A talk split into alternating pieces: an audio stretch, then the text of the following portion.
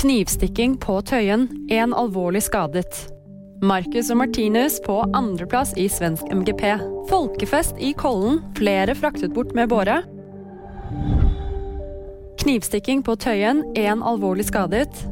En mann er innlagt på sykehus med alvorlige skader etter en knivstikking på T-banen i Oslo lørdag kveld. Politiet har pågrepet fire personer i en leiegård på Tøyen. Det skal ha vært flere vitner på stedet. Marcus og Martinus på andreplass i svensk MGP.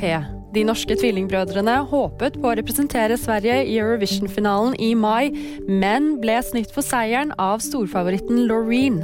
De legger ikke skjul på at de helst skulle ha vunnet. For å være helt ærlig så var det helt forferdelig. Det å sitte der og vente på de stemmene Man har jo alltid lyst til å vinne, men det er jo Loreen. Hun er en legende, og det ble nærmere enn vi trodde, forteller brødrene til VG. Loreen, som vant Eurovision-finalen med Euphoria i 2012, deltok i år med låten 'Tattoo'. Fullt trøkk i Kollen. Flere fraktet bort med båre.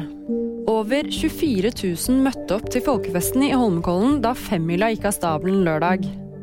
Det var god stemning, men flere skal ha blitt så fulle at de ble fraktet bort på båre, melder Røde Kors. Et fåtall er sendt videre til legevakt eller sykehus for sjekk. Til tross for en del ordensoppdrag melder politiet at alt gikk egentlig ganske så greit. Politiet ber likevel foreldre om å følge opp barna sine etter arrangementet grunnet overberuselse. VG-nyhetene de fikk av meg, Claudia Lech.